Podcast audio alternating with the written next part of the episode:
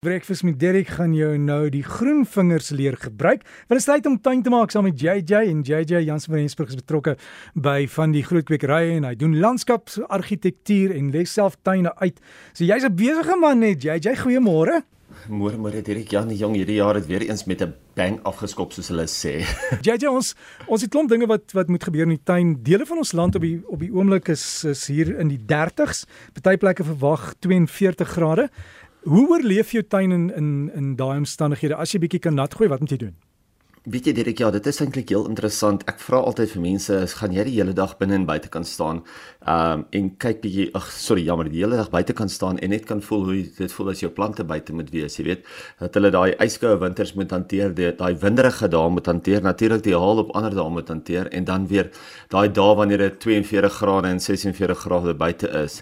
Ek weet van die lande het nou in hierdie laaste week of wat het hulle oor die 50 um op die op op die temperatuurmeter gekry, jy weet so op die termometer gehad. So ja, dit is baie baie rof en dis eintlik belangrik om nou seker te maak dat as jy kan, moet jy jou plante net afkoel gedurende die koeler tye van die dag. Dit help nie jy koel hulle af in die warmer tye van die dag nie, want die water gaan net so verdamp. Maar as jy kan, vroeg in die oggend of laat in die middag, laat in die aand, probeer om jou tuin net nat te gooi, probeer net om so jou plante self af te koel.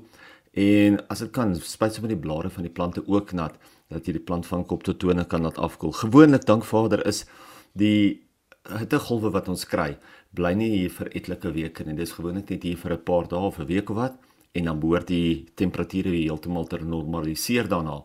Maar natuurlik met al die reën wat ons in die binneland gehad het, is daar twee groot probleme waarmee ons sit naamlik wortelvrot op die bome en die struike en ook die grond wat wegspoel.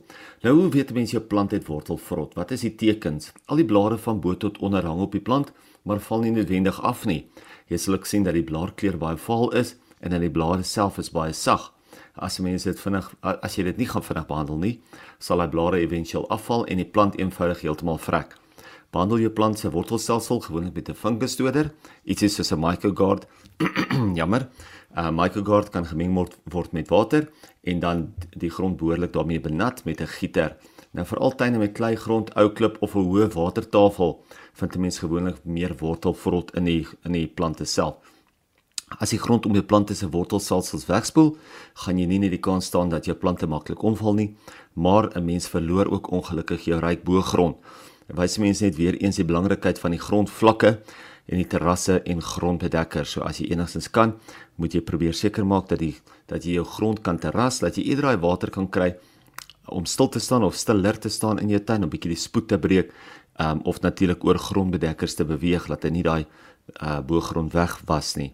As jy spesifieke areas het waar die water gereeld sterk loop of vloei, kan jy ook natuurlik klippe neerlê om die vloei te breek en die erosie so te voorkom is ongelukkig heel interessant. Ek was hierdie week was ek by een van die kwekerye in Pretoria wat hulle gesê het hulle het oor die 200 mm reën in een dag gehad en jy kan net dink wat se tipe van erosie daarso plaasgevind het. Ek wonder ook altyd as 'n mens uh, hoor van die reën wat geval het of 'n mens dit reg verstaan. Nou wat beteken dit byvoorbeeld as daar 10 mm gereën het? Dit beteken natuurlik nie dat daar 10 mm op 'n vierkante meter uitgereën het, jy weet dit wat mense in 'n spuitnaaltjie kan optrek nie, want baie mense verstaan hom heeltemal verkeerd. Dit beteken eintlik dat as 'n mens die reën wat geval het en hulle meet hom gewoonlik per vierkante meter, sou meet, dan sal dit 10 mm diep wees. So wat ek daarmee bedoel is, um dit gaan nie net in 'n spesifieke klein kolletjie wees nie, dit gaan nie net wees daar waar jou reënmeter staan nie, maar hulle meet hom gewoonlik so dat hy plus minus vir jou gee wat per vierkante meter sou geval het. So die water self wat daar sou lê voordat dit in die grond sou intrek, sou 10 mm diep gewees het. Nou interessant hoe mense eintlik hulle eie reënmeters het en 'n idee het hoe om hulle besproeiing dan wel aan te pas. Baie keer kom jy by die huis of hoor jy die reën op die dak val en as jy buite kom, lyk die wêreld sopnat, maar jy het geen idee hoe nat jou tuin eintlik is nie. Jy weet nie of jy jou besproeiing moet aanlos nie, jy weet nie of jy nog moet nat maak nie. Jy weet nie of die plante eintlik genoeg water gekry het nie. Nou as jy daaraan dink om 'n reënmeter te koop, en by jou huis op te sit, moet jy probeer om die meter alleen ergens op 'n paal te sit. Dis natuurlik eerste prys, ergens in die middel van jou grasperk of ergens in 'n veldjie of so, laat hy nie noodwendig deur enige ander plante of mure uh uh beïnvloed word nie. Maar as jy dis nie altyd natuurlik haalbaar nie. As jy dit op 'n grensmuur of op 'n heining moet vasmaak, moet jy seker maak die bokant van die meter is hoër as die muur self, sodat die water nie op die muur spat en in die reënmeter ook inval en vir jou onakkurate lesing gee nie. Ek kry dit gereeld mense 'n reënmeter ergens teen 'n boom vasmaak en natuurlik gaan jy nie teen 'n boom of onder 'n dak teen die teen die huise muur enigstens dieselfde of die korrekte lesing kry nie. So kyk bietjie dit is eintlik 'n lekker tyd ook nou. Jy weet selfs vir die mense ek hoor in die Kaap reën dit eintlik nog steeds.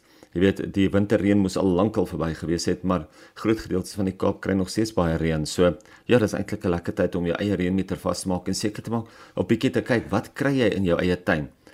Ons plant van die week vir hierdie week is natuurlik 'n splinter nuwe salie variëteit. Die salie het oor die laaste paar al hoe al hoe gewilder geraak en dit is natuurlik met reg. Die nuwer tipe salies blom amper onophoudend en so sal die Rockin Fuchsia variëteit wat ons plant van die week van vandag is met sy kompakte uh, groei en sy donker pers pink blomme jou glad nie in die steek laat nie. Die plant self groei so om en by 40 cm hoog by 40 cm wyd. So hy's lekker gehard, hy's waterwys. Hy kan volson tot semi-skaduwee hanteer en almal soek altyd 'n lae onderhoud plant wat baie kleur gee. Nou hier is hy nou. Gaan kyk bietjie vra vir 'n bietjie vir die kwekerye vir daai Salvia Rocking Fuchsia en hy hy maak eintlik 'n pragtige fillerplant in die tuin waar jy groter gebeddings het en daai kleur nodig het wat net konstant vir jou kleur gee. Dankie JJ, ek wag dat iemand 'n plant uitbring, die Sali Mare, jy weet of so iets. Dis tog 'n interessante een, hè? ja, jy weet as hulle 'n naam soek vir 'n nuwe Sali, uh, dan kan hulle maar net uh, Sali Mare doen. Ja nee, ek dink ek wonder hoeveel van die jonger garde weet of jonger kinders ken ken eintlik die Sali Mare. ja, ek dink die meeste mense ken daarom die liedjie en as hulle dit nie weet ken nie, dan moet jy dadelik vir hulle leer. JJ alles van die beste en lekker naweek en lekker tuin maak. Dan sê definitief stel dit daarso. Baie dankie en JJ sal ook vir ons die foto's en die inligting plaas op die Breakfast Facebook bladsy en dit is dis baie handig weet ek self wanneer ek navraag kry oor 'n plant of ietsie dan gaan loer ek daarop die Breakfast Facebook bladsy en gaan af 'n paar weke terug het JJ gepraat oor dit. O, daar's die foto, so lyk dit en jy kan selfs daar sien hoe lyk die plant van die week. Gaan kwekery toe wys vir hulle, dis wat JJ oor gepraat het en dan kan jy die plantjie daar in jou eie tuin 'n nuwe tuiste gee. En geniet jou tuin maak vandag.